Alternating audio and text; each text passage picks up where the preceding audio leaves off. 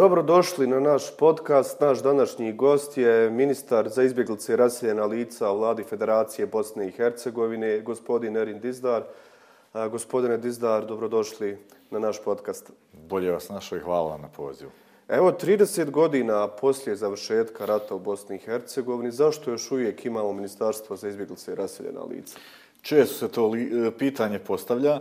Ministarstvo imamo zato što to populacija ima realne potrebe. Nažalost, danas živimo u društvu uh, gdje su povratnici još uvijek kategorija stanovništva koja je poprilično diskriminisana u svojim matičnim sredinama zapravo koje se vraćaju. Ne oni, nego i njihovi potomci, nažalost. Dakle, imamo, kao što ste rekli, 30. godina prošlo od rata, ali djeca tih povratnika imaju ogromne poteškoće u ostvarivanju svojih prava. Nažalost, širom Bosne i Hercegovine imamo tu situaciju da Eh, manjinska populacija, kad govorimo sad u tim etničkim terminima, ima ozbiljne probleme u ostvarivanju svojih prava i ovo ministarstvo je tu kao eh, podrška eh, toj populaciji.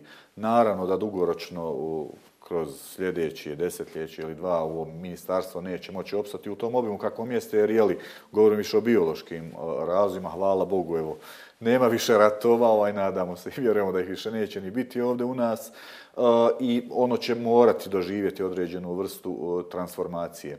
Ja sam kada sam preuzeo funkciju rekao da mi je namjera da ovo ministarstvo više postane ministarstvo koje će poticati ekonomski, ekonomsku održivost povratnika i njihovo ostvarenje temelj ljudskih prava, nego što je to bilo do sada kad je više bilo neke, tako da kažem, humanitarne prirode, gdje su se mnogo više davale donacije tim ljudima, a nije se, e, da kažem, po mom e, mišljenju, po mojoj procjeni, e, dovoljno pažnje posvećivalo upravo održivosti. Dakle, da ti ljudi, nama nije cilj da ti ljudi imaju donacije, cilj je da su oni samo održivi, da njima ne treba podrška ovog ministarstva i kamo sreće da se ono sutra može ugaziti da kažemo povratnici osvajaju sva prava, oni su samo održivi, imaju zapošljenje, integrisani su u svoje zajednice.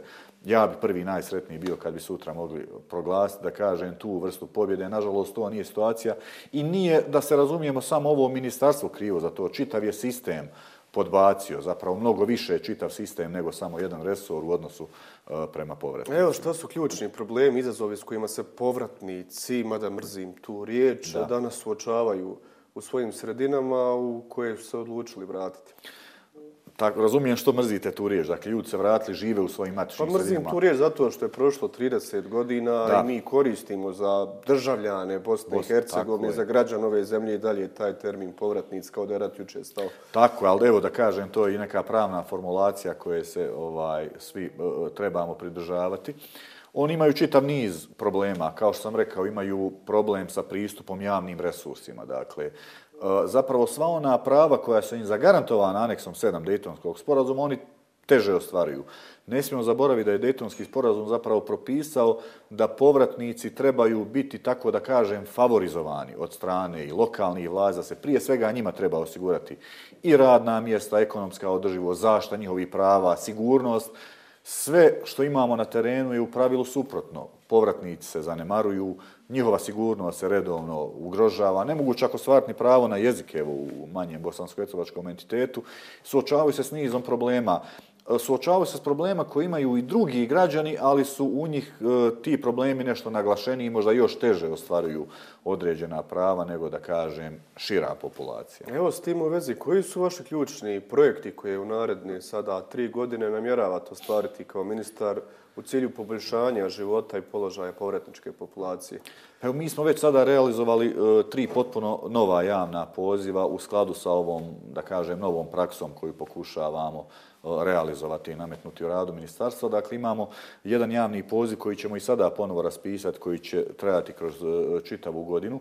To je podrška za pošljavanju povratnika u matičnim sredinama, u jedinicama lokalne samouprave, u javnim preduzećima, dakle, e, na lokalnom e, e, nivou i u, u administraciji, tako da kažem, što je i ustavna obaveza. Dakle, očekujemo da lokalne zajednice pokažu odgovornost prema aneksu 7. Često čujemo priču kako u Republici Srpskoj nema dovoljan broj zaposlenih povratnika u javnim institucijama. E, tačno je da ih treba biti više, ali trebamo svi učiniti više da se e, to realizuje. Ministarstvo je recimo realizovalo prošle godine javni poziv gdje subvencioniramo jedinice lokalne samuprave koje zaposle povratnike. Dakle, kroz period od godinu dana subvencioniramo 70% e, bruto plate, što otprilike izađe kao kompletna neto plata. I još te, ta mjesta uh, E, dajemo im dodatne bodove za infrastrukturne projekte. Tako da potičujemo te općine, te načelnike, te lokalne administracije da zapošljavaju povratnike, jer kad zaposlite povratnika u lokalnu zajednicu, prvo pokazuje se da ih gledate kao ravnopravni, drugi povratnici imaju se kome obrati i treća stvar, ta čovjek i njegova porodica su manje više zbrinuti, da kažemo, do penzionisanja, jer je to stabilno zaposlenje. Imamo javni poziv za podršku investicijama dijaspore u Bosnu i Hercegovini, u povratničke sredine. Jedan jak uspješan poziv koji smo realizovali prošle godine, sada ćemo povećati iznos sredstava. Već smo povećali nakon novog dolaska, skoro smo uduplali sredstva za podršku projektima u dijaspori, gdje imamo 4-5 sjajna poduzetnička projekta ljudi koji žive u zapadnoj Evropi, koji će otvarati firme u Bosni i Hercegovini i vraćati se ovdje i zapošljavati povratnike. Gdje imamo i šestru korist, gdje sada nama dolaze stručnjaci, ljudi koji žive u Evropskoj uniji, ovaj, tako da ima prozor se obrne taj proces. E, išli smo e, s tim javnim pozivom e, na nekim partnerskim osobama. Dakle, namjera je bila, tako da kaže Marka za Marku, koliko su ti ljudi spremni investirati, da ih i ministarstvo, odnosno vlada, podrži sa istim ili približno istim iznosom. Maksimalan iznos je bio 150.000 maraka. Imate poduzetnike koji su i više svojih sredstava uložili od tog. Imate neke koji su manje, pa su manje i dobili. I to je jedan od projekata koji su dobri gdje vežemo našu dijasporu. Oni donose sredstva iz inostranstva u Bosnu i Hercegovinu, sami se vraćaju.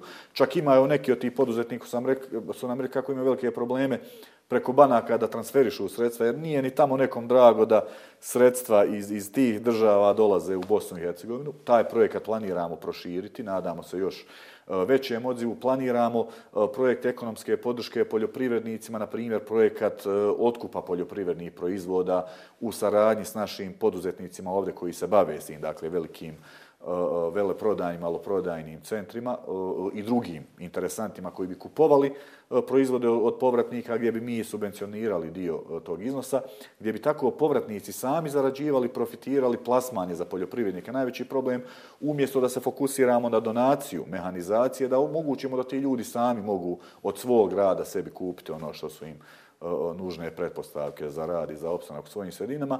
Ima još e, čitav niz drugih projekata u kojim možemo naravno govoriti, ali to su neki, da kažem, od smjerova, od prilike u kojim idemo. Ićemo na poticanje poduzetnika koji već e, rade i opstaju u povratničkim zajednicama i to nam je jedan od ciljeva. Vi imate povratnike koji imaju sjajne firme, dakle, i u Republici Srpskoj, i u Federaciji, koji zapošljavaju 5, 10, 20, 30, 50 povratnika. Cilj nam je da ta stabilne, dakle, preduzeća, da njih podržavamo da zaposle još veći dio povratnika, da im pomognemo u nabavci mašina, sirovina za rad i šta im već E, treba u tome. Dakle, uglavnom ste usmjereni u ekonomske aktivnosti. Tako je. U pravilu na ekonomske aktivnosti, naravno, ne zaboravljamo i temeljna ljudska prava tih ljudi. Formirali smo da smo promijenili sistematizaciju kako bismo omogućili ljudima besplatnu pravnu pomoć kroz ovo ministarstvo. Sufinansiramo ih u tim nekim pravnim bitkama koje vode u povratničkim sredinama u ostvarenju svojih temeljnih prava. Drago nam je da imamo i ovu presudu skoru u vezi sa bosanskim jezikom, što je zapravo opšte poznata stvar, da je ustavna kategorija bosanski jezik, da ljudi imaju pravo i djeca da ga tako zovu u nastavnom Eh, kroz nastavni proces, ali evo da kažem, fokus je na tome, podrška mladima, evo, po prvi put smo realizovali javni poziv podrške E, studentima i srednjoškolcima na području cijele Bosne i Hercegovine. Do sad je taj javni poziv samo tretirao povratnike u Republiku Srpsku, sada su obuhvaćeni svi povratnici, dakle, gdje su studenti dobili e, jednokratnu podršku od 1100 ili 1200 maraka u slučaju da se radi o deficitarnim zanimanjima, taj iznos je nešto veći, dakle 1200 maraka. Isto smo učinili za podršku e, prevoza džacima, tako da se fokusiramo i na, na, na omladinu i na podršku privredi. To bi neka dva fokusa. Evo, nedavno smo imali slučaj tokom proslave pravoslavnog Božića, desio se niz provokacija, pa i nekolicina napada na povratnike, uglavnom na području Istočne Bosne. U Potočarima sva čak imali slučaj da je pucano na jednu bošnjačku kuću. Zašto se to i dalje dešava nakon 29 godina od završetka rata? Zašto baš u sredinama gdje su upravo ratni zločini bili najbrutalniji, naj, najteži i kako je povratnicima danas živjeti u tim zajednicama? Pa jedan od e, ključnih pitanja je suočavanje s prošlošću. Nažalost, mi nemamo procese e, kakve je doživjela, recimo, e, Njemačka nakon što je nacizam poražen. Dakle, mi još uvijek nemamo nekog Vilija Branta iz Srbije ili čak i od onih domaćih struktura koje se sami identificiraju s tim procesima koji će otići kleknuti i pomoliti se i reći da, to je bio ratni zločin, to je bio genocid, to je bilo sve ono što je definisano presudama međunarodnih i domaćih sudova. Niko ne traži ništa više ni ništa manje osim priznanja činjenica koje je ustanovio neprisasan međunarodni sud. Dakle, zašto ih nema? Zašto je problem priznati te činjenice?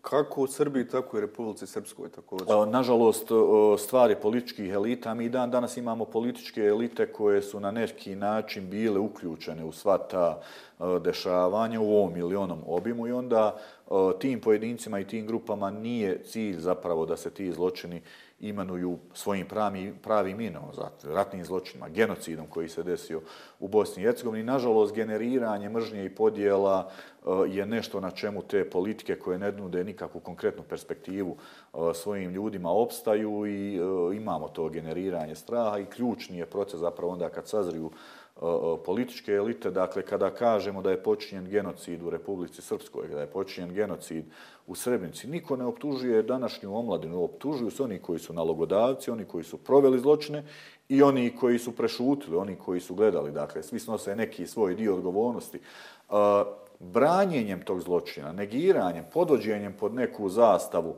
srpstva, zapravo ti ljudi generaliziraju zločine. Dakle, vlasti entiteta i vlasti Srbije generaliziraju, podvode ga počita svoj narod, da kažu da je interes Srbije, Republike Srpske, da se ne prizna ono što je ustanovljena pravna činjenica. E, evo, kad već to spominjete, koliko današnji a, stanovnici Republike Srpske koji pripadaju Bošnjaškoj ili Hrvatskoj populaciji mogu biti sigurni u entitetu koji vodi čovjek koji otvorno negira genocid u Srebrenici, koji kaže da su Karadžić i Mladić heroji, prije 15 godina je drugačije govorio, ali danas kaže da su da. heroji koji govori kako hođa Arlauče sa džamije, koji govori kako se bošnjaci pokušavaju naseliti širom istočne Bosne kako bi promijenili etničku strukturu itd.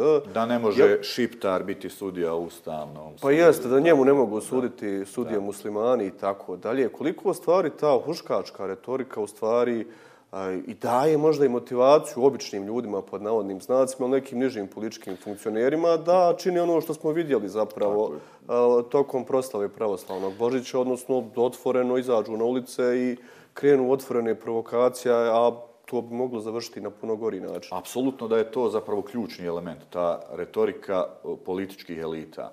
Nažalost, situacija u Republici Srpskoj je da tu nemate vlast i opoziciju. Svi su jednoglasni horski negiraju genocid. Sve vodeće političke stranke sa sjedištem u Republici Srpskoj. I tu nemate vlasti opozicije, svi su jedinstveni. A zašto nema opozicije? Evo kako vi gledate? Kako gledate? Se nije pojavila ni jedna umjerenija opcija u Republici Srpskoj koja će reći u redu ovo što se desilo je bio genocid po međunarodnoj presudi, Karadžić i Ratko Mladić su zločinci, Jer mi po tim pitanjima, evo što ste vi spomenuli, zaista vidimo da tu postoji ideološko suglasje. Da. A svađaju su uglavnom oko nekih njihovih personalnih stvari. Pa evo imate situaciju da je upravo trenutna vladajuća stranka u Republike bila umjerenija opcija, koja da. je donekle, evo i sami to je bilo prije 20 godina. To je bilo prije 15-20 godina. Nažalost, mislim da se tu radi i o političkom konformizmu, gdje se vidi da se na nacionalizmu, na desničarenju lakše dolazi do glasova. Nije to nužno neka ideološka uvjerenost, nego se radi o klasičnom populizmu koji je zapravo sada, nažalost, zahvatio i čitavu e, zapadnu Evropu. Nažalost, imamo i te ideološke principe. Dakle, ovdje je i problem odnosa naših susjeda. Srbija je ta koja ima ogroman utjecaj. Srbija treba da se ogradi od tih zločina. Srbija treba da šalje jasne poruke da priznaje suverenitet Bosne i Hercegovine, jer je su odgovorna za genocid, za nesprečavanje genocida. To je njena i moralna i pravna obaveza e, i mislim da ako bi Srbija slala mnogo jasnije poruke, dakle u poštivanju prije svega suvereniteta države Bosne i Hercegovine, da bi, i ako bi se tako u praksi ponašala, dakle ne samo slala poruke, da bi zapravo tu, e, e, to bi pomoglo, da kažem, stanovnicima i političkim elitama u Republike Srpskoj da se otrijezni i da konačno svoju budućnost jedino vide u A koliko je realno da to Srbija uradi? Pa ako gledamo desetljeća politike unazad, nažalost mislim da to trenutno nije realno. Mislim da, da, da Srbija teži nekim pragmatičnim politikama, to svi možemo svjedočiti da je Srbiji bitno pristvo Zapada, investicije sa Zapada, možda to nagna Srbiju, da kažem, na neke možda mekše stavove ili na, na, na, na neke stavove koji bi eventualno pomogli nama da interno riješimo svoje probleme, ali nije realno očekivati neki kopernikanski zaokret, nažalost. Evo, rekli ste da to možda i nije toliko uvjerenje svih tih ljudi koliko u stvari to desničari je nešto što donosi glasove. Je li onda problem u samom glasačkom tijelu koji dalje u najvećoj mjeri privlače takve poruke, a, takva retorika, takve politike i zbog čega je to slučaj? Milorad Dodik je dobio izbore tek u onom trenutku kada je krenuo sa malo agresivnijom da. nacionalističkom retorikom. Pa evo, ka, u pitanju ste dijelom i dali zapravo odgovor. Na, narod je o, o, iznimno podložan tim ideologijama. To su Zašto? Ideologije Kako vi to objašnjavate kao, pa evo, kao socijaldemokrat? To su ideologije kojim su i kroz medije zadojeni već desetljećima. Uzmite vodeće medije u, u Republici Srpskoj. Nažalost, poruke koje šalju nacionalističke ili desničarske stranke su vrlo jednostavne. Mi protiv njih i tu se ljudima vrlo lako uh, svrstati. Teško je ljudima, nažalost, prodati da je zapravo pravi patriotizam, kao što jeste, plaćanje poreza, usvajanje zakona koji će poboljšati život tih ljudi i njihove djece, spriječi da oni sele. Svima nama je lako isto sada izaći i udariti po prstima, reći, ne znam, vi ste fašisti, mi vam ne damo tako, pa da oni nama odgovore, pa da se mi svađamo. Naš je cilj da ova država uđe u Europsku uniju. Cilj nam je da uđe u NATO savez. Tu se trenutni partneri iz Republike Srpske ne slažu, mi tu ne popuštamo kao što su prethodnici popustili, pa su kao revolucionarni napredak u pristupanju NATO-u e, predstavili usvajanje dokumenta u kojem su odustali od formulacije Komisije za pristupanje NATO-u i redefinisali u komisiju samo za saradnju sa NATO savezom.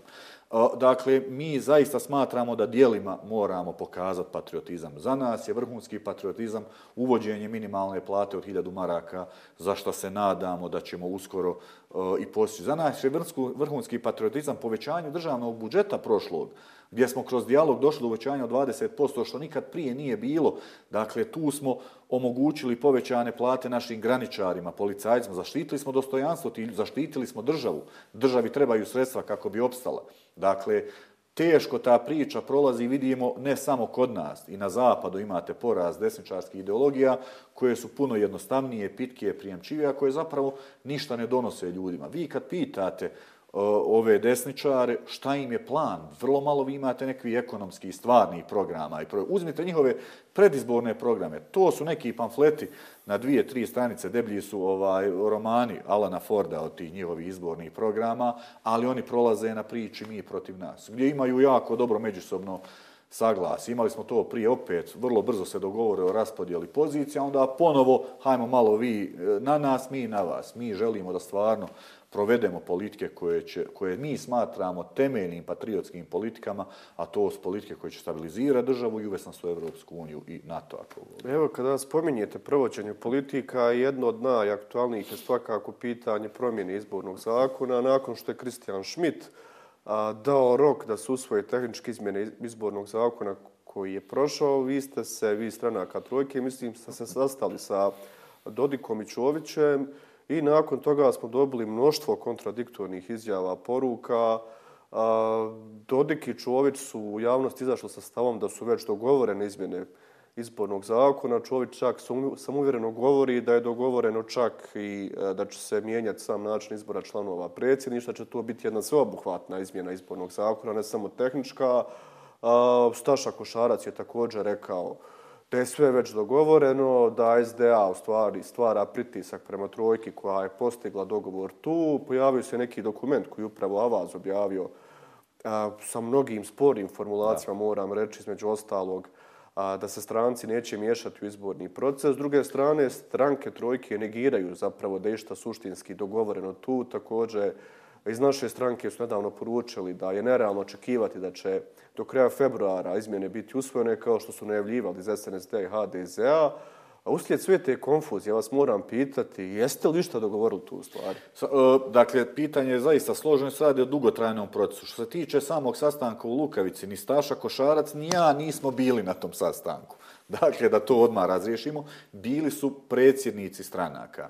Ono što znam da nije dogovoreno, nije dogovoreno ništa u vezi sa izborom članova predsjedništva Bosne i Hercegovine. Niti smo mi pristali na bilo kakve opcije koje isključuju implementaciju presuda Evropskog suda za ljudska prava. Dakle, naš stav je, naravno, imate partnere koji su donijeli određena rješenja I, I u redu je, prihvatljivo je, kao što je predsjednik SDP rekao, korektno je s njihove strane da oni predlažu nešto. Mi se s tim možemo složiti ili ne složiti, ali oni donesu nešto na sto, pa se mi o tome možemo izjašnjavati.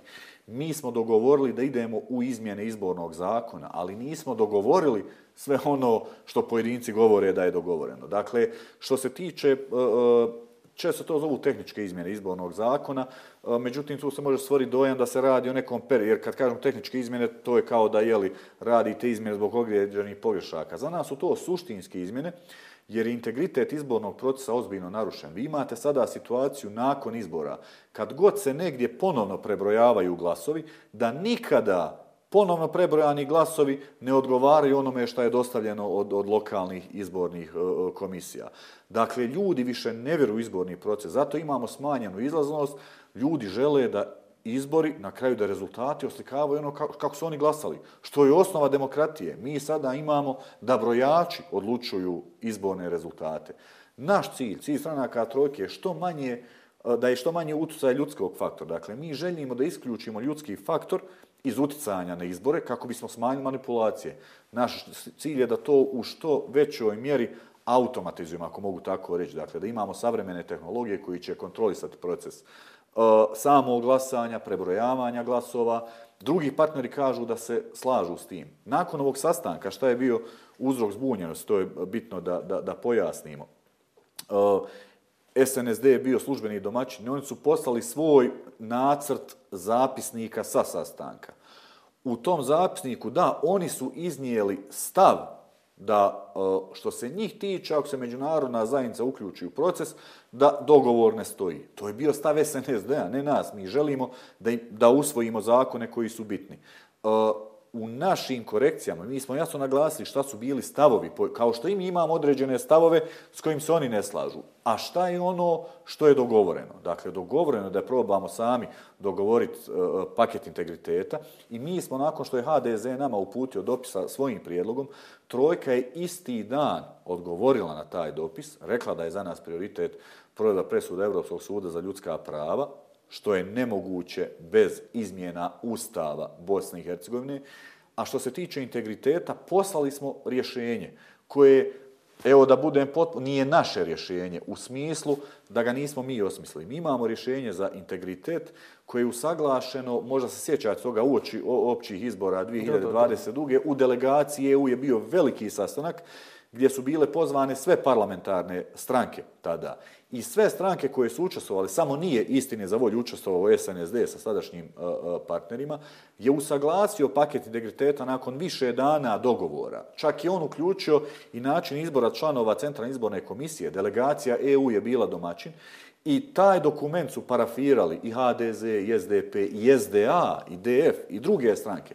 Dakle, mi imamo kvalitetan paket integriteta koji smo svi zajedno usaglasili uopće općih izbora i mi smatramo da je najbolje i najbrže da usvojimo taj dokument. Nije ni on savršen, možemo neke detalje, naravno, uvijek korigovati, ali je nešto oko čega evidentno postoji jedan širi konsenzus i ne smatramo da dodatno trebamo izmišljati neku toplu vodu po tom pitanju. Ali svjesni ste da odmah nakon sastanka, čak i tokom sastanka, su mediji bliski SDA i DF-u, pa čak i neki koji nisu baš u tom taboru su krenuli sa a, teorijama, sa vijestima kako ste vi otišli Dodiku na noge, kako ste pristali na sve zahtjeve Dodika i Čovića i onda još u vrlo neodređenim, ja bih rekao, nepreciznim istupima protagonista trojke, stekao sam malo utisak da Dodik i Čović vode taj proces. Svjesni ste da PR vam baš ne funkcioniše najbolje?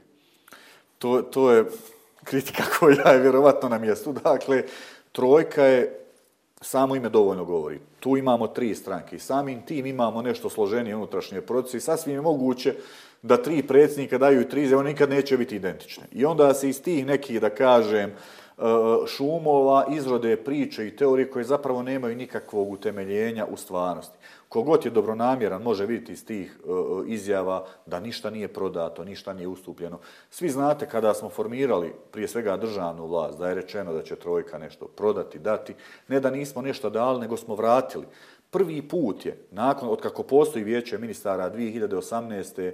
Dodku i SNSD-u prepušteno bilo četvrto ministarstvo, ministarstvo koje treba da predvodi Bošnjak iz entiteta Republika Srpska, mi smo to ministarstvo vratili, dakle, u okvire probosanskog bloka.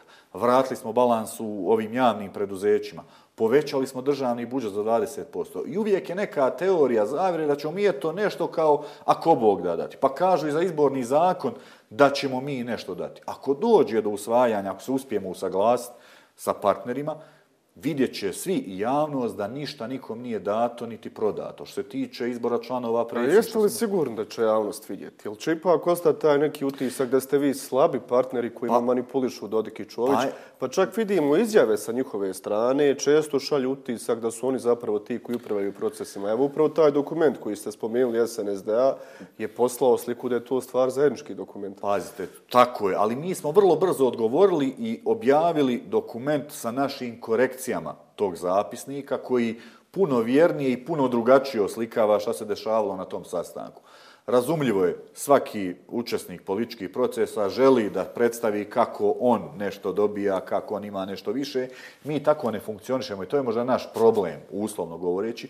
Mi zaista želimo da se dogovorimo i onda kada ostvarimo napretke koje možemo reći da su uslovno u korist trojke, ne izađemo kao mi smo ovo dobili, ne znam, pobjedili smo Dodika ili Čovića. Kao, ne, napravili smo neki kompromis, ova država tako funkcioniše. Nažalost, postoje još uvijek ti neki recidivi gdje pojedinci se trude predstaviti nešto kao nekakve vlaste pobjede. Evo, nek mi neko upre prstom gdje je ta pobjeda bilo koga protiv nas ili gdje je poraz države, gdje smo mi pokleknuli po bilo kojem od relevantnih pitana za državu Bosnu i Hercegovinu.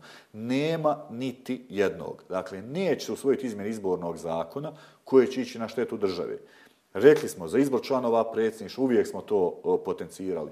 Presudna implementacija presuda Evropskog suda za ljudska prava. To mi u SDP-u govorimo deset godina. Ovaj. Ali naravno spremni smo razgovarati s drugim partnerima da dođemo do rješenja koja će zapravo pomoći da relaksiramo političke prilike. Valjda je to i svrha nekog političkog djelovanja.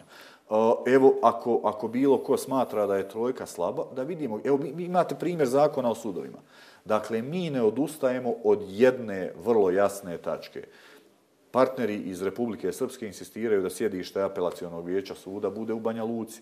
Za nas to nije prihvatljivo. I to, ne, to je jedna tačka, ona je bitna za pristupanje u Evropska unija vrši pritiske da usvojimo taj zakon. Mi kažemo najdalje što taj sud može biti istočno Sarajevo zbog komunikacije sa, sa jeli, prvostepenim organom, sa, sa sudom Bosne i Hercegovine koji u Sarajevu. Ne možete stalno voziti ovaj pritvorenike ljude koji se sudi iz jednog u drugi, dakle, i smatramo da, da je bitno da postoji ta komunikacija, imamo takve preporuke Evropske unije i Venecijanske komisije i mi od tog nećemo popustiti. Isto je tako sa drugim zakonskim rješenjima. Dakle, u jednom zakonu mi ništa nekome nismo dali, nego se trudimo dogovarati rješenje koje su interesu svih, pa i građana Republike Srpske. Mi nemamo problem da kažemo da mi želimo da i građani Republike Srpske, entiteta Republika Srpska, žive bolje, jer su oni naši sugrađani. Oni su svi državljani Bosne i Hercegovine. Mi želimo da svaki građanin Bosne i Hercegovine žive bolje. Možda to za nekog slabost. Mi imamo čak situaciju da neki naši partneri,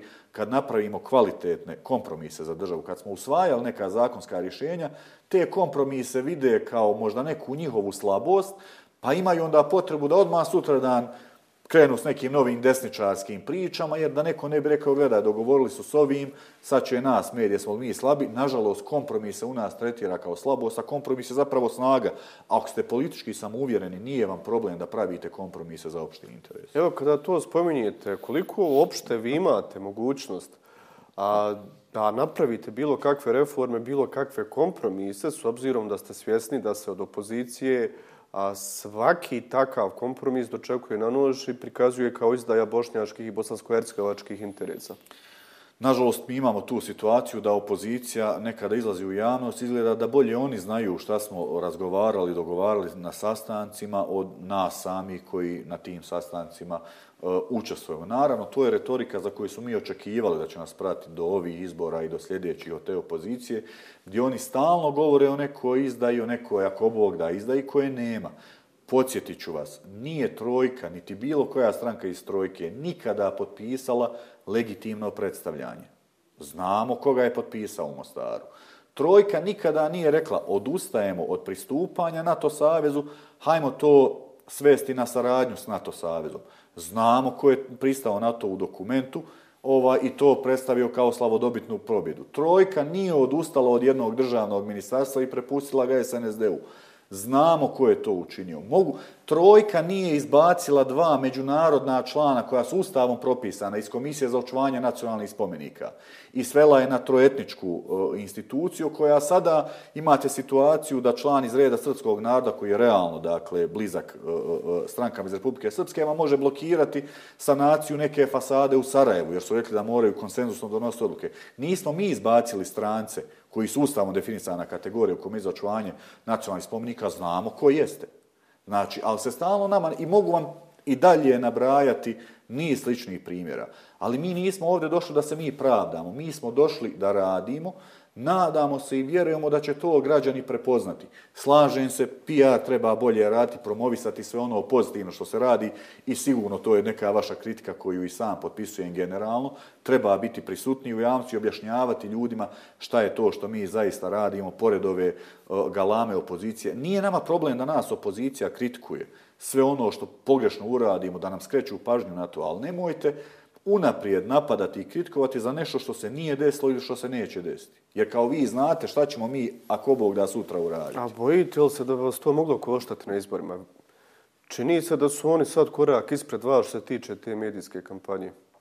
Pa jesu, imaju dakle, vrlo sinhronizovanu medijsku kampanju, postoje i mediji koji jeli, aktivno promovišu te stavovi i to jeste jedan od problema. Međutim, ono što uvijek govorim, evo sada ću se reducirati na federaciju Bosne i Hercegovine. Građani, povratnici u federaciji vide da njihova djeca dobijaju e, studenti i srednjoškolci jednokratnu pomoć, stipendije koje prije nisu dobijali. Oni to osjete, tako da kažem, na svojim novčanicima. Vide tu konkretnu podršku. Ljudi će vidjeti kada bude minimalna plata 1000 maraka usvojena kao zakonsko rješenje, da žive bolje, da fiskalizacijom ćemo... Ali evo i to kada spominjete, i to vam je bio jedan vrlo loš potez.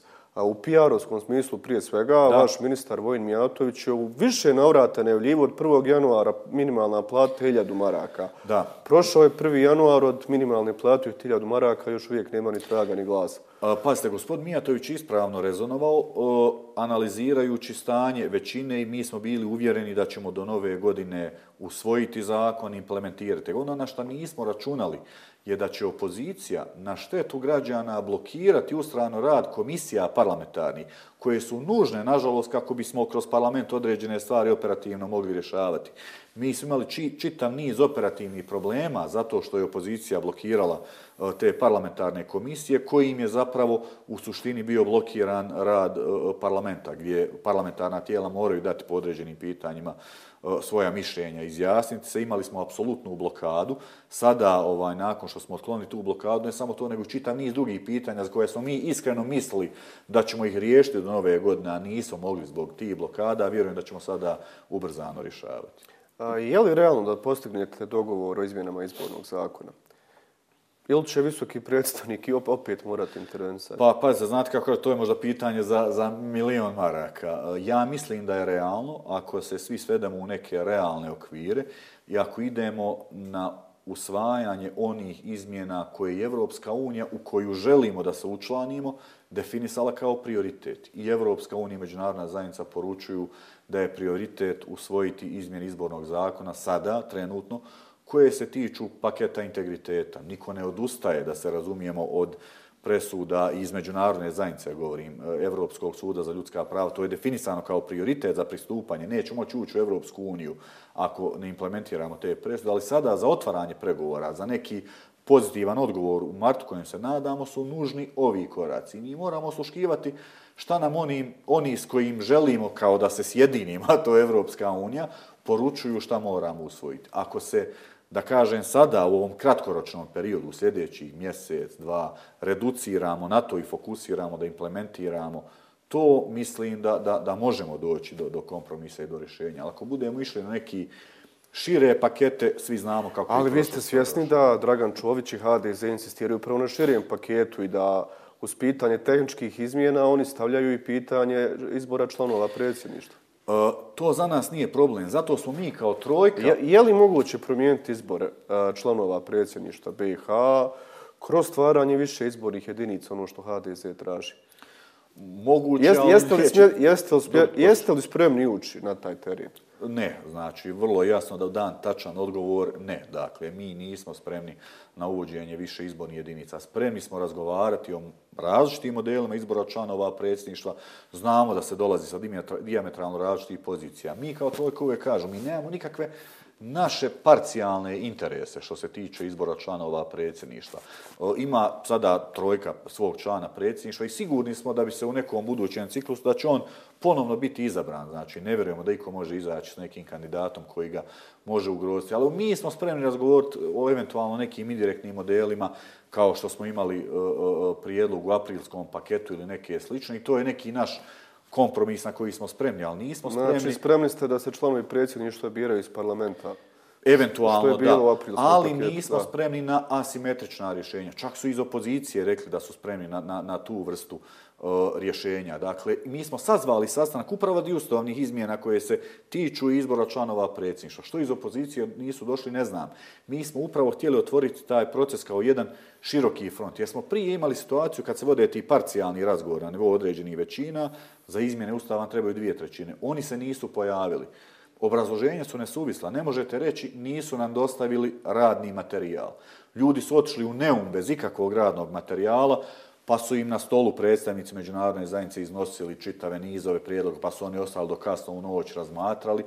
Ovo je trebao biti inicijalni sastanak gdje bi svi mogli dati neki rok da izađemo s prijedlozima, da ih probamo objediniti, da razgovaramo o tome. Ovaj, nažalost, opozicija nije odgovorila na, na, na naš uh, poziv, što nas nije spriječilo opet da kao vladajuća većina razgovaramo o tome. Dakle, mi nemamo problem da razgovaramo o izmjenama Ustava Bosne i Hercegovine, ali sada fokus jasno je treba biti na onome govorimo sad do marta, kratkoročno, mm -hmm. na onome što Evropska unija pred nas postavila kao uslov za otvaranje pregovora. Evo, je li to realno? Je li realno da HDZ pristane samo na tehničke izmjene? Čović je rekao da izmjena treba biti sveobuhvatna, a da ključna pitanja poput predsjedništva ostave za bolje dane. Ili će oni pak prije insistirati u stvari pa, da, dakle, mi, da ostvari politički cilj? Ja, ja ne govorim šta je želja HDZ ili Dragana Čovića. Mi ne odustajemo od e, izmjene ustava i izbornog pitam, koliko, zakona. Koliko, koliko, se... koliko je realno postići dogovor da samo to Dakle, i mi ne odustajemo od toga. Za nas je jedan od prvih prioriteta političkih izmjena ustava izbornog zakona što se tiče izbora članova predsjedništva Bosne i Hercegovine. Međutim, upravo e, da se dobru formulaciju, mi ne kažemo da sada od toga treba odustati. Mi kažemo da sada, dakle, do, do marta se trebamo fokusirati, a evo, mart je sutra praktično pred vratima, na ovo što Evropska unija od nas traži za otvaranje pregovora. Onda hajdemo, dali smo sebi neke rokove koji su bili možda preambiciozni što se tiče izbora članova predsjednika. Razgovaramo o tome, nije da ne razgovaramo, ali hajde da sada fokusiramo na ono što možemo i trebamo usvojiti, što nam govori iz Evrope kako bismo dobili to o, zeleno svjetlo. Ni u kom slučaju ne odustajemo od toga, spremni smo razgovarati sa svima i s partnerima, ovaj, da čujemo i njihove argumente kao što ih slušamo, kao što oni trebaju čuti naše, ali mislimo da je, da je sada u ovom periodu do, do trećeg mjeseca bitno fokusirati se na evropski put Bosne i Hercegovine. Evo, kada spominjete taj evropski put, kako vi ocjenjujete rezultate koje su vlade u Bosni i Hercegovini ostvarile u tom smislu? A, nismo još uvijek otpočeli pregovore s Evropskom unijom, dobili smo neke pohvale da su neki procesi otkočeni, međutim, najveći dio prioriteta, kako od onih 14, tako dodatnih devet uslova koje smo dobili, mi nismo ispunili. Dakle, čini se da je tu puno više lijepe priče nego što je zaista postignut neki konkretan napredak i provedene reforme. Pa, pa ja bih volio da smo učinili mnogo više. Međutim, ne smijemo zaboraviti da je u protekli okvirno godinu dana od kojeg imamo vijeće ministar usvojeno više zakona ne, nego mi smo imali jednu cijenu na koju je usvojeno 4-5 zakonskih rješenja koji su važne. Za, možda za nas periferno ili nebitno izgleda zakon o vinima. Evo sad ću, ali pitajte vinogradare, ljudi koji se bave tim, koje je važna industrija, šta njima znači. I to je nešto što je bilo bitno što smo morali usvojiti. Dakle, uzimamo naj, najmanje bitan možda iz liste tih zakona koji, su, koji nam izgledaju kao periferni. Izmjene zakona o VSTV-u, dakle, čitav niz zakonskih rješenja koja su godinama čekala, su usvojena. Naravno, naša ambicija da uvijek učinimo više, da napravimo veći iskorak. Mi imamo takvu ustavnu strukturu koju nismo sami birali. To uvijek govorim i na sastancima s predstavnicima međunarodne zajednice. Oni kažu, znate, Ukrajina se kreće ovako, ali ja kažem, Ukrajina je država koja ima poprilično centralizovan sistem, koja ima, bez obzira na, na, na agresiju koja se tamo dešava, sad govorim čisto o političkoj strukturi, Vi u Bosni imate takvu političku strukturu koja je tako postavljena da mi moramo razgovarati sa političkim subjektima koji su otvoreno proruski. Zamislite da vi sad u Ukrajini kažete morate u pola vlade imenovati, ne znam, neke proruske faktore. E, haj sad s njima dogovorite ove zakone koji će vam omogućiti da uđete u Europsku uniju i NATO savez. Ne bi to baš tako brzo išlo. Mi smo u takvoj situaciji, dakle, i očekujemo od njih taj dio razumijevanja. Je li to realno očekivati od SNSD-a da provode europske reforme i zakone? Može li se s tima krenuti tim ubrzanim vozom ka Europskoj uniji? E, hoće li taj voz biti ubrzan ili ne? Hoće li biti brzi voz ili čiro? Ne znam. Više liči uh, sve što u nas na državnoj voz se radi. Nažalost da je čiro, ali neki čiro samo ide naprijed. Ovaj. e, teški su ti pregovori, teški su razgovori, e, ovo što kažete, ali pazite, da ste me pitali za ove zakone koji smo usvojili, koliko je realno, koliko će se brzo uh, usvojiti, ja bola, bo, vjerovatno bi bio više skeptičan od dinamike koju smo uspjeli ostvariti. Dakle, mislim da ima određeni stepen spremnosti i, e, od partnera u Republike Srpskoj, tamo ljudi žive teškim životom, nije jednostavno što se tiče ekonomske situacije, federacije ipak mnogo razvijeniji dio države, to vidimo i po uplatama PDV i po drugim prihodima. E, mislim da da su ljudi, bez obzira na sve, svjesni da je vitalni interes i Srba i Hrvata i Bošnjaka zapravo da im se osigura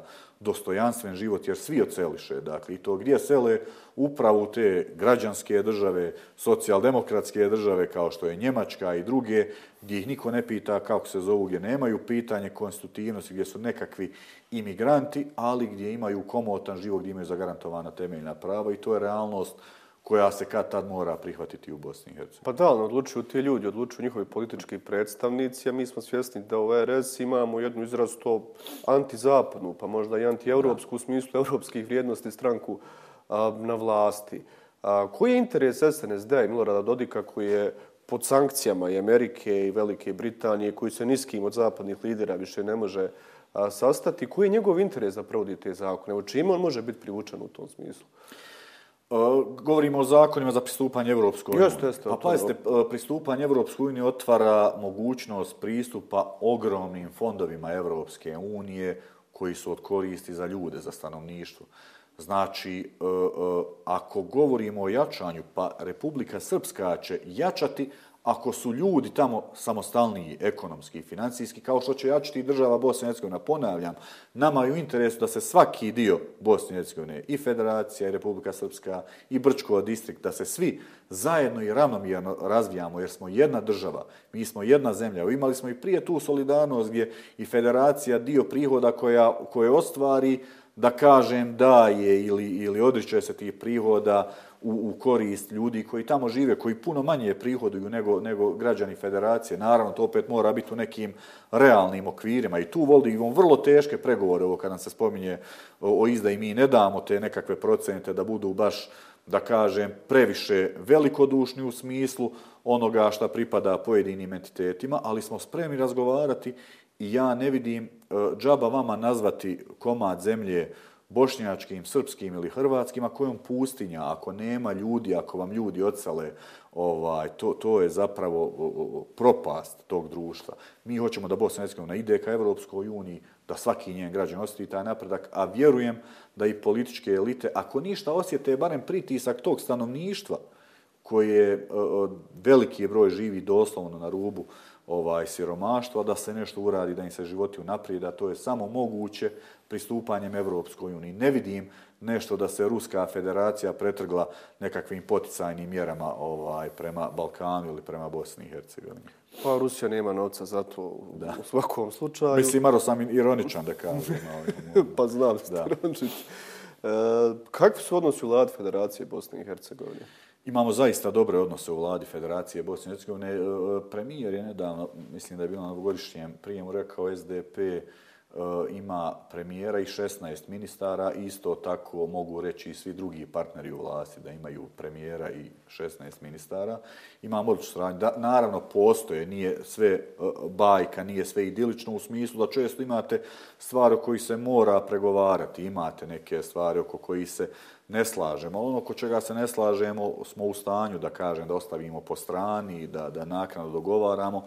Postoji visok stepen kolegijalnosti, razumijevanja. Mislim da, da vlada federacije funkcioniše jako dobro, nemamo nikakva preglasavanja, dakle sve odluke manje i više donosimo uh, jednoglasno. Čak imamo i te situacije da vlada, recimo čak kad dođe neki prijedlog iz kluba zastupnika, da vlada drugče odluči, pa čak i ministri iz tih političkih subjekata, neka nisu ovo realni zahtjevi naših zastupnika, pa mi zajedno analiziramo pa se te neke inicijative ili odbiju se nešto prihvati što je dobro, prihvatamo nekad inicijative koje dolaze od opozicije ako su e, kvalitetne, neka amandmanska rješenja i tako dalje. Dakle, vlada federacije funkcioniše dobro, imamo još e, čitav niz izazova koji je pred nama, ali e, za sada mislim da se dobro radi. Već smo kao vlada usaglasili ove ključne reformske zakone kao što su fiskalizacija, zakon o minimalnoj Eh, plati, dakle, eh, uvođenje tog elektronskog poslovanja, tako da mislim i nadam se, vjerujem da ćemo nastaviti tako raditi. Kad imate takvu eh, slogu, kako kažete, šta možemo očekivati od vlade federacije u smislu ključnih ciljeva i programa koje namjeravate ispuniti u narednom periodu. Neke ste navali, ali evo, što možemo očekivati mi kao građani? A evo, kao, kao porodilje mogu po prvi put očekivati svaka porodilja po hiljadu konzivina maraka jednokratne pomoći. Znam, rećemo, nije dovoljno. Nije, ali u odnosu na ništa je više. Imamo fond solidarnosti koji je imao nula maraka, sada ima 50 miliona konvertibilnih maraka možemo očekivati za populacijske i natalitetne politike, dakle, stavili smo obavezu, to su sredstva koja dodjeljuje vlada Federacije Bosne i Hercegovine nižim nivoima vlasti, koje smo obavezali da 20% od tih sredstava, govorimo neki 40 miliona, možda i više, trebaju utrošiti za populacijske, odnosno natalitetne politike. To samo neke od mjera mimo ovih zakonskih rješenja koje sam vam spomenuo, ovo što ste rekli, što građani osjete uslovno da kažem na svom džepu. Evo već idemo sa povećanjem, e, usklađivanje penzija, ali ono suštinski povećanje penzija za 5% i vjerujem e, da će toga biti još e, Napominjem da je vlada iz budžeta prošle godine osigurala 300 miliona za penzije jer fond nema dovoljno sredstava da ih pokrije. Dakle, evo, nabrojao sam neke 5-6 vrlo konkretnih mjera.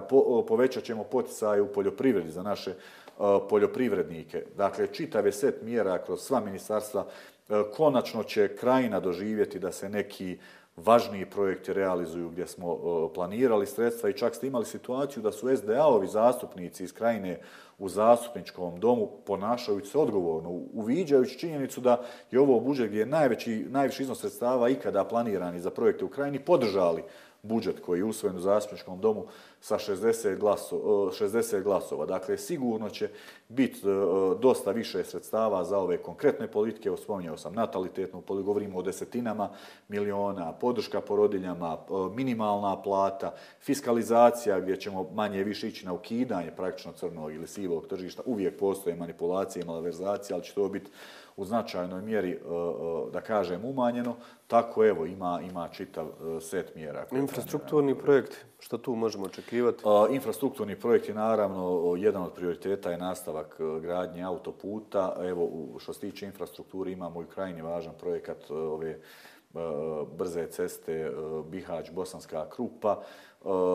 i tako dalje. Znači, autoput je primarni prioritet i radit ćemo na autoputu. Imamo tu velike probleme, ne trebam govoriti, svi vidite ovu priču oko počitelja gdje su potrošene milioni, gdje ti mostovi pucaju, gdje imamo čitav niz problema, gdje imamo neke bunare, još se pokušava naći gdje su ta sredstva utrošena i nije to, da kažem, sve jednostavno ovaj pokrenuti, nažalost ali evo tu smo spremni smo da radimo. Prije svega mislimo da je autoput jedan od ključnih prioriteta, jer ipak autoput i simbolično, ali praktično povezuje državu na kraju krajeva u prvom mandatu premijera Nikšića, ta vlada je ostala upančena upravo po tim infrastrukturnim projektima, prije svega na izgrađenom autoputu. Nikad prije i nikad poslije nije izgrađeno toliko autoputa. Evo, nadamo se da ćemo obnoviti tu dinamiku ovaj, da ćemo ubrzano raditi. Na to. A, dolazite iz Toca i dok ste bili politički aktivni, u svom gradu. Bili ste veliki kritičar lokalnih politika HDZ-a i njihovih poteza, prije svega u pogledu diskriminacije prema bošnjačkom da. stanovništvu. A jeste li mogli očekivati da ćete sjediti u istoj vladi sa predstavnicima HDZ-a, da ćete zapravo imati vrlo funkcionalan odnos? Pa evo, kako kažu, u tome je politika. Naravno, svi moramo sarađivati. E, građani Stoca još uvijek imaju probleme i nikad se ne libim to naglasiti. Međutim, evo imamo neke signale gdje se ja nadam da će se ti odnosi e, promijeniti, gdje će imamo značajne infrastrukturne projekte u Stocu, u povratničkim zajednicama koji e, koji nije bilo e, evo od samog povraka 30 godina u nekim velikim povratničkim zajednicama se radi infrastruktura putna rasvjeta e, e, e, dakle elektrifikacija uz podršku i ovog ministarstva. Eh, ćemo eh, to raditi, dakle sigurno ćemo i mi doprinijeti s naše strane. Očekujemo još kvalitetniju integraciju povratnika u eh, dakle, lokalnu administraciju, smatramo da trebaju biti kvalitetnije zastupljeni. Ima tu problema, imam i dalje čitav niz zamjerki, ali naravno činjenica je da ako želite da ljudi bolje žive, morate sarađivati i često to sam uzmem kao primjer. Vidite, ja sada šta god ko misli o kome, sjedim s načelnikom stoca gdje smo se, da kažem, gađali krivičnim prijavama, e, više ja njega nego on mene, tako da kažem, ali on je predstavnik lokalne zajednice, on je dio aparata države Bosne i Hercegovine kojeg ja kao takvog trebam poštovati i on mene i e, e imao sam par sastanaka gdje vjerujem da ćemo ostvariti saradnju u interesu, ponavljam, svih stanovnika grada Stoca. Mislim da iza stolac dolaze neka bolja vremena i da ćemo imati neke kvalitetne projekte ovaj za tu zajednicu, da će ona ne samo opstati, nego da se i razvija. Kako ljudi u Stocu žive danas? Žive teško kao i širom Bosne i Hercegovine. Mislim da Stolac ima zaista jednu dobru perspektivu zbog svog položaja. Dakle, ova brza cesta Stolac Neum je zaista dala jedan značajan impuls razvojni. Mislim da to Eh, svi trebamo iskoristiti u najboljoj mogućoj eh, mjeri. Sada to treba da prate ekonomski projekti, dakle otvaranje eh, novih radnih mjesta. Stolac trpi ono što trpi cijela Bosna i to je bijela kuga. Veliki broj ljudi nam seli. To iz Sarajeva ne izgleda tako dramatično. Ja uvijek kažem, Sarajevo je grad sa više stotina hiljada stanovnika, pa kad neko odseli jedna, dvije, pet porodica, to se baš i ne ostaje, ali jednom stocu, malom i drugim manjim e, sredinama e, povratničkim, e, oko god da odseli, to je velika rupa, osjeti se, vidi se. U stocu je to isto vidi ciljame da, da, da te procese zaustavimo. Nadamo se i da se ljudi vrate, svi ljudi, nebitno, dakle, kojem narodu pripadaju da, da, da stolac ponovo zaživi. Evo, nadam se realizaciji nekih ekonomskih projekata u stolacu. Stolac, ako iko ima tu perspektivu i razvoja turizma, turizam se već razvija, dakle imamo zaista, evo, kada odem do ljudi mi govore ljudi koji iznajmljuju smještaje, dakle da su popunjeni praktično čitavo ljeto, ovaj, isto je tako i u hotelijerstvu i mislim da da se neke stvari mogu i da se vidi o, o, dakle ta neka bolja perspektiva. E, član ste SDP-a, kako ocjenjujete situaciju u vašoj partiji danas? Često ste u javnosti steči utisak da ste poprilično raštiman orkestara. Tu prije svega mislim na krizu liderstva. Vidimo da se nije pojavio niko ko bi na zadnjem kongresu mogao zamijeniti Nervina Nikšića, pa njemu produžen mandat. A s druge strane, A često vaši odbori i vaši funkcioneri, rukovodioci stupaju jedni protiv drugih javno. Zadnji slučaj smo imali a, na relaciji između kantonalni odbor SDP u Sarajevu protiv opštinskih odbora gdje šteta je i javno, odnosno više su opštinski rukovodioci u Sarajevu istupali protiv štete, kritikujući njegove poteze, njegovu politiku, optužujući kada želi da stavi kompletno Sarajevo pod svoju kontrolu. Imamo člana predsjedništva iz SDP-a, Denisa Bečirovića, koji vrlo često kritikuje čak i vladu federacije i neke poteze svojih kolega. Šta se dešava u SDP-u? Je to samo, jesu to samo neke običajne demokratske razmrce ili ipak to šalje znak da je tu neki dublji sukob? Pa evo, otkad je SDP-a, ja uvijek znam da postoje medijske priče o krizu SDP-u, o problema. SDP je jedan veliki sistem, dakle, trenutno najveća politička stranka u federaciji što se tiče vladajućih subjekata i naravno da u takvim velikim sistemima imate, imate ljudi koji Dobro, HDZ je veliki sistem, SNSD je veliki sistem, ali nismo baš vidjeli A upravo to želim da kažem. Da. SDP nije partija koja funkcioniše po sistemu liderstva, niti predsjednik SDP-a Nermin Nikšić sebe ikad nameće kao lidera. On se zaista nameće kao nekoga ko je tu na raspolaganju ljudima, E, gdje se omogućuje visok stepen demokratičnosti. Vi znate da SDP je jedina stranka koja je uvela princip jedan čovjek, jedan glas u izbor. Imamo visok stepen demokratičnosti. Mnogi taj visok stepen demokratičnosti ide kao našu slabost. Mi naprotiv mislimo da je to naša snaga. U SDP-u je sasvim normalno da ljudi međusobno se kritikuju, da iznose određene stavove. Što se tiče člana predsjedniša Denisa Bečirovića, on ima dakle, i redovnu i komunikaciju i saradnju sa premijerom. Nisam primijetio da je kritikovao rad vlade federacije, ako jeste opravdano, o, to je sasvim u redu. Mi, mi, mi ne bolujemo od toga. Slažem se da ne treba kroz javnost izlaziti sa određenim kritikama. Ljudi trebaju i mogu sjediti dakle, na organima i niko to ne priječi da svaki iznese kritiku, da se razmijene mišljenje. Upravo kao što ste rekli, neka možda ta javna Pa mislio sam prije svega njego, njego, njegovo neslaganje s imenovanjem Vukoje koje je javno izrazio bio. Da, Sjećate da, da. s toga sigurno. I ka, slažem se, ali nije to stvar sa, uh, neslaganja sa radom vlade federacije. Vi znate da je opozicija kada je kritikovala eventualno imenovanje gospodina Vukoje koji je prvorangiran, ako nam nije praksa da imenujemo prvorangirane, čovjek s meri kažu, znate, na konkursima trebaju prvorangirani. Ja ga nisam provodio, čovjek je prvorangirani.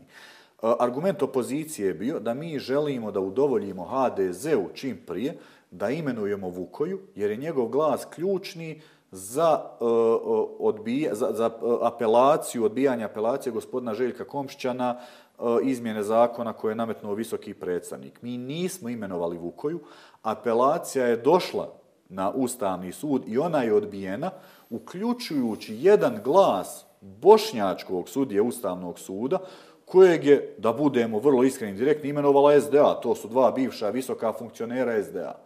E onda ta priča pane u vodu. Dakle, onda je pitanje, pa stanite, je li ovdje neko dogovorio dakle, da se obori ta apelacija s Vukojom? Nema e, nikakve veze. Niti bismo mi imenovali Vukoju kako bi on oborio tu apelaciju. Ovaj, što se tiče uh, Adnana Štete, predsjednika kantonalnog odbora, e, SDP u Sarajevu ima najveći rast. On jako uspješno vodi kantonalni odbor SDP-a, on ima uh, puno povjerenje i da, predsjednika. Da, onda kada lideri opštinskih odbora istupe javno protiv štete, šalje se signal javnosti, takva slika da zapravo tu se ne zna ko pije, ko plaća u kantonalnom odboru. Morate biti svjesni da u redu je eh, da vi imate drugačija mišljenja, ali kada javno izlazite s tim, kada se javno prepucavate, to šalje vrlo, vrlo loš sliku glasačima. Evo ja bol upravo što ste vi rekli da poslušaju i svi neki naši funkcioneri u kantonu Sarajevo, da se malo slažem se. I eh, eh, te poruke mislim da se trebaju slati kroz organe SDP-a, ali opet kažem, ja sam uvjeren da će SDP ostvariti odličan izborni rezultat u kantonu Sarajevo, jer ljudi vide rezultat e, rada e, trenutne vlade, SDP-ovih ministara u vladi. Ima toga, slažem se da je bolje da se neke nedoumice rješavaju unutar partije, ali kao što kažem, SDP u kantonu Sarajevo mislim doživio porast od 50% na prošlim e, izborima, jer ponavljam, ljudi, vide te šine, ljudi vide te tramvaje, vide te trolejbuse koji se nabavljaju, vide druge stvari koje se rade i onda je teško prodavati ljudima priču da nešto ne valja, da nije uspješno. Dakle, i e, mislim da će se te stvari, što se tiče unutrašnjeg funkcionisana, uvijek se te stvari poslože ovaj, pred izbore, posložit će se i sada i nema nikakve dileme da će kantonalni odbor Sarajevo ponovo ostvariti jedan izniman izborni rezultat. A međutim, kada se pogledaju rezultati SDP-a, vi ste trenutno najjača stranka po broju ministara, imate premijera Federacije BH, člana predsjedništva. Međutim, kada se pogleda pojedinačno broj glasova SDP-a, dakle bez stranaka trojke, vi ipak stagnirate na nekih 130-140 hiljada glasova. Je to ipak otprilike duplo slabije nego što ima SDA. Zašto SDP ovo nije jača stranka i zašto SDP da budem precizniji, nikada ni približno nije ponovio uspjeh koji imao 2010. godine kada je osvojio skoro 300.000 glasova. Dakle, moramo znati da su 2010. bile dosta drugčije okolnosti, tako da je gospodin Željko Komšić bio član SDP-a i bio SDP-ov kandidat e, za člana predsjedništva. Vi ako sada pogledate glasove koje dobije DF kao jel, nominalno lijeva opcija i SDP, zbijeno vam je to negdje tu, pa da kažem i naša stranka koja je liberalna, ovaj, nije... nije. LDF baš znači, ima isto glasačko tijelo kao SDP.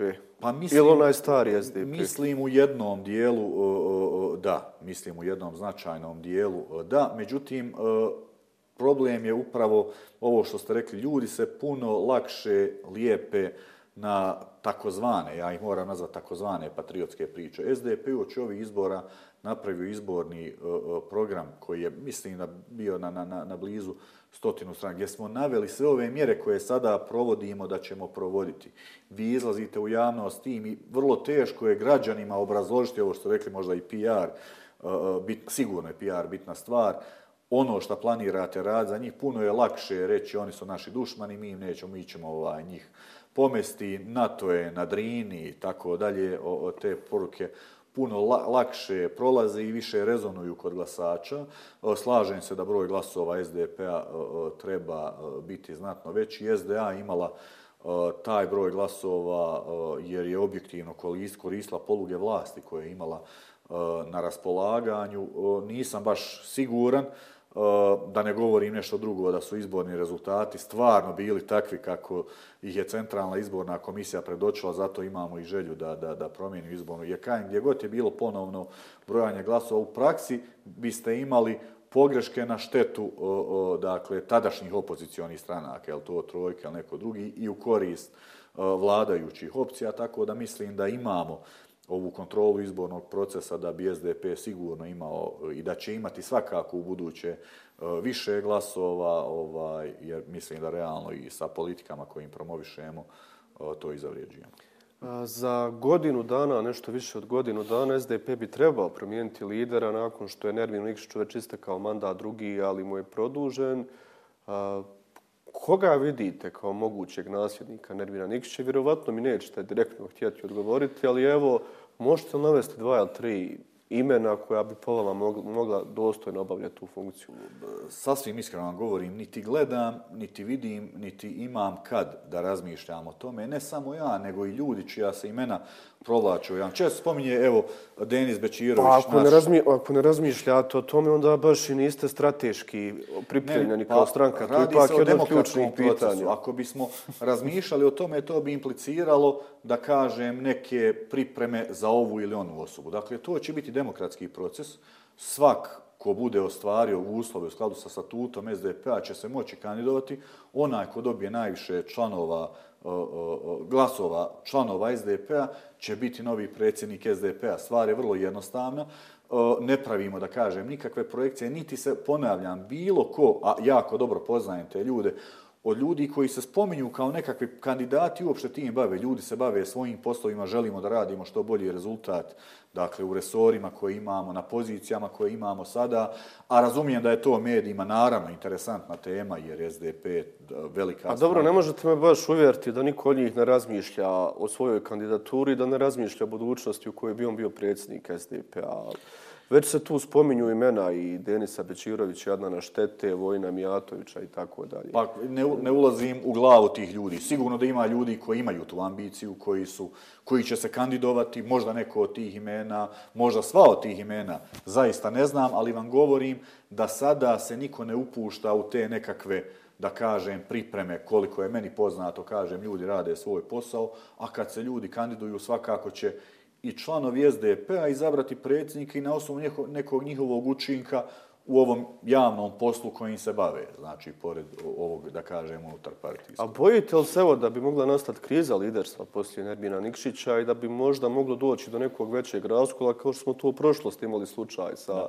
Pa pazite, to, to je bila jedna od, to je bilo jedno od pitanja i kada je odlazio Zlatko Lagumđija, koji je puno duže bio predsjednik SDP-a, hoće li biti kriza, hoće li se, pa se ništa nije razbilo, ništa Ali se nije desilo se upravo kada je Nijaz Duravković odlazio deseta godina prije toga. Deseta godina prije toga jeste, ali su nastale neke manje stranke koje su živjele jedan izborni ciklus ovaj, i objektivno stranke koje nemaju infrastrukturu vrlo teško opstaju na političkoj sceni. Bez želje nikoga da kažem, uvrijedim.